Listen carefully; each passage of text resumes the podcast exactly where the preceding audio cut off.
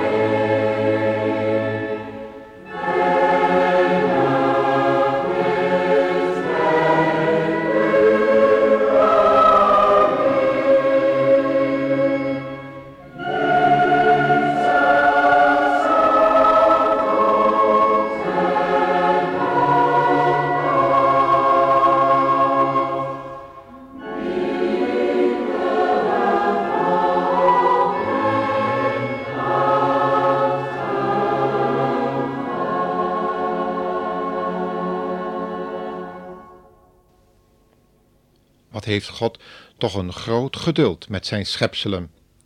In het bijzonder met mensen die kennis hebben aan zijn liefde, die hij door zijn Zoon, de Heer Jezus Christus, heeft getoond. Want hoeveel aandacht krijgt God van deze geredde zondaren? Hebben de meeste christenen niet veel meer tijd over voor de dingen van deze wereld dan voor de dingen van God? Heeft u dat nou ook, dat het zo moeilijk is om die liefde van God op de juiste waarde te schatten? Ik heb gemerkt dat je regelmatig de Bijbel moet lezen, eigenlijk biddend bestuderen, om een glimpje van die grote, onbegrijpelijke liefde te kunnen opvangen.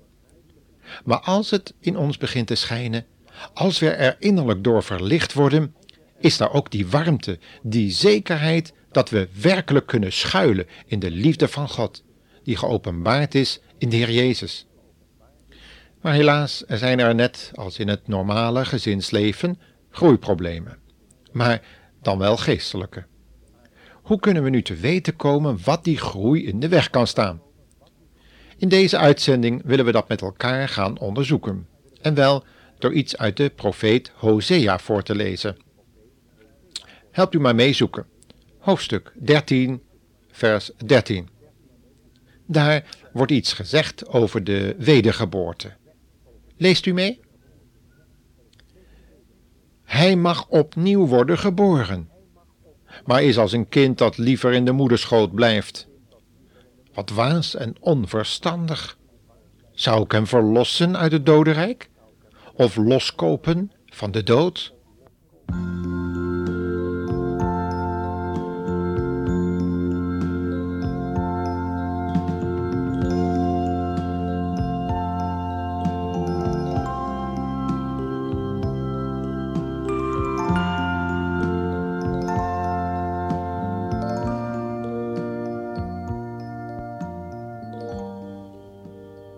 In het voorgelezen schriftgedeelte, dat is voorgelezen uit het boek, een eigentijdse Nederlandse vertaling, gaat het over een, een van de twaalf stammen uit Israël.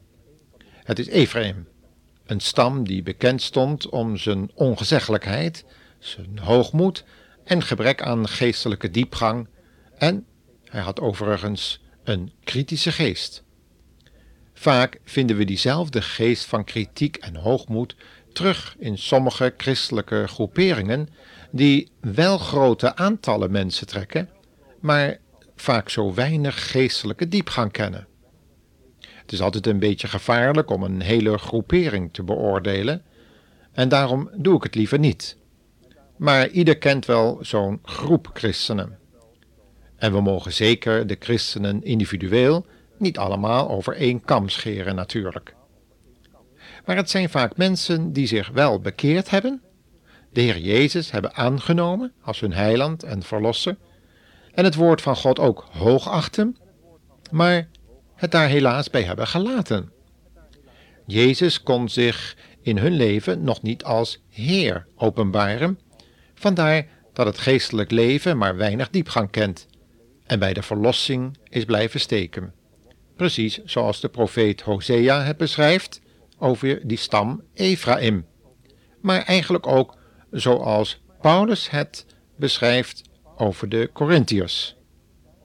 En dat zijn beide gedeelten uit het woord van God, die profetisch ook toegepast kunnen worden op de eindtijd, waar de gemeenten worden gekenmerkt door allerlei vermenging met Oosterse mystiek. Laten we nu uit het verband van dit schriftgedeelte eens lezen wat de oorzaak van het probleem zou kunnen zijn. Heeft u een Bijbel bij de hand? Dan kunnen we samen Hosea 13, vers 14 opslaan. Daar staat dat er een verlossing uit het dodenrijk moet plaatsvinden. De Heer Jezus heeft van ons mensen gezegd dat we ons van nature in de macht van zonde en dood bevinden. We zullen dit echter pas erkennen als we dit ervaren hebben. Paulus beschrijft deze ervaring in Romeinen 7, vers 23 en 24, waar hij het als volgt onder woorden bracht. Wat mijn verstand wil en mijn lichaam doet, is altijd in strijd met elkaar. De zonde leeft in mijn lichaam en wat ben ik er eigenlijk ellendig aan toe? Wie zal mij verlossen uit deze vreselijke macht van de dood? Hij noemt de zonde dus een macht, met de dood als uiteindelijk gevolg. De Bijbel noemt dan ook het feit dat de beloning of de vrucht van de zonde de dood is. En deze geestelijke dood gaat aan de natuurlijke dood vooraf. Maar Jezus wilde ons van deze beide machten verlossen. Hoor maar wat het antwoord op de hartekreet van Paulus en vele andere zoekende mensen is. Ik dank God dat er een uitweg is door Jezus Christus, onze Heere.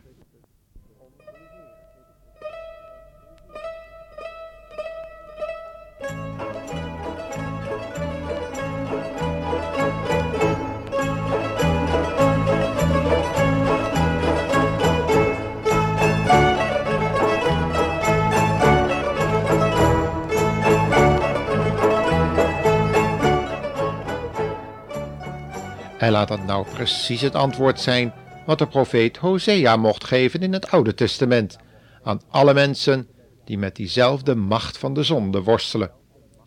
Hoor maar wat hij ervan zegt in Hosea 13, vers 14. Ik zal hem loskopen van de dood, verlossen uit het dodenrijk. Dat was de oplossing voor de hoogmoed van Ephraim. Wat een oplossing! En dat door de Heer Jezus Christus, onze heiland. Waar heeft hij dat eigenlijk gedaan? U weet het wel, luisteraar. Op dat kruis van Golgotha. Voor u en voor mij.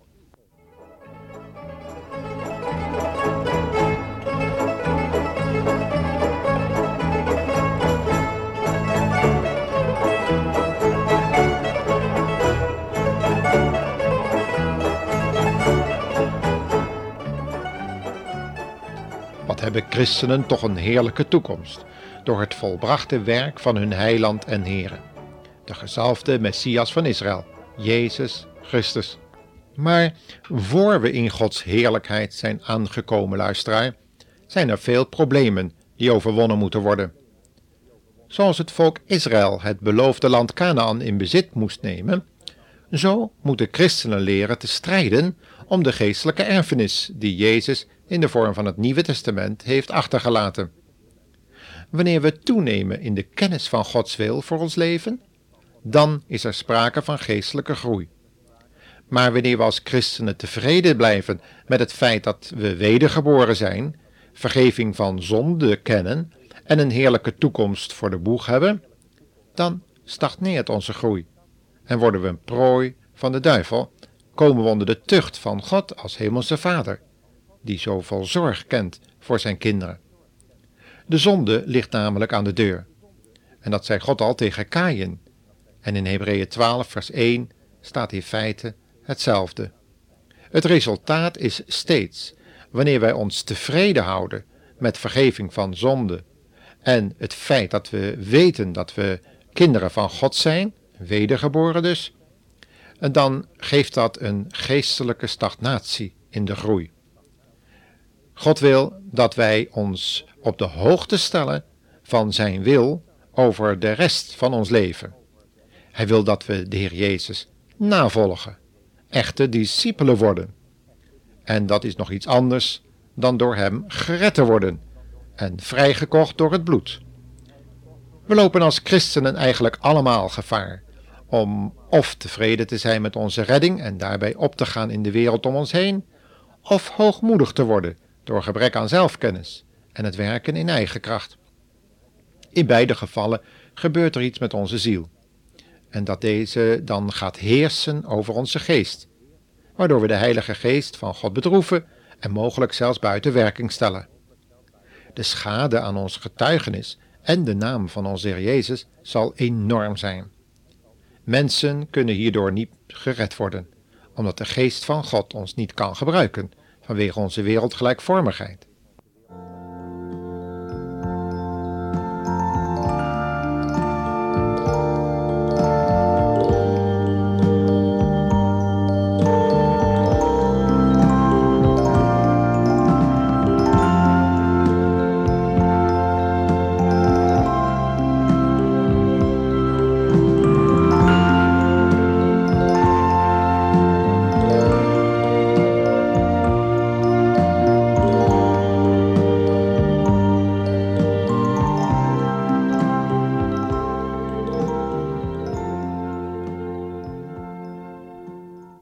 Intussen zullen we nog enkele oorzaken opnoemen die een gezonde geestelijke groei in de weg kunnen staan.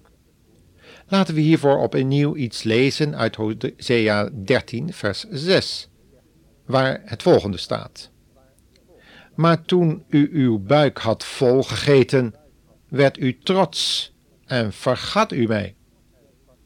Hier zien we weer een van die grootste struikelblokken voor christenen: materiële voorspoed het is bekend dat christenen die verdrukt worden, zodat ze echt moeten worstelen om in leven te blijven en hun getuigenis te behouden, geestelijk de meeste weerbaarheid hebben. Misschien niet zozeer leerstellig, maar wel moreel. Zij kennen door het lijden heen de Heer Jezus op een bijzondere manier, meer dan christenen die voorspoed hebben. Paulus spreekt daarvan in Filippenzen 3, vers 10. Hij zegt: het enige wat ik wil is Christus kennen en ervaren hoe groot de kracht is waardoor Hij uit de dood is opgestaan. Ik wil ervaren wat het betekent om met Hem te lijden en te sterven, om uiteindelijk te komen tot de opstanding uit de dood. Dat betekent dus concreet en praktisch dat wij als christenen pas echt groeien als we het ervoor over hebben om met en voor Christus te lijden hier op aarde. En dat kan alleen werkelijkheid worden als we rekenschap geven van de levende hoop die in ons is.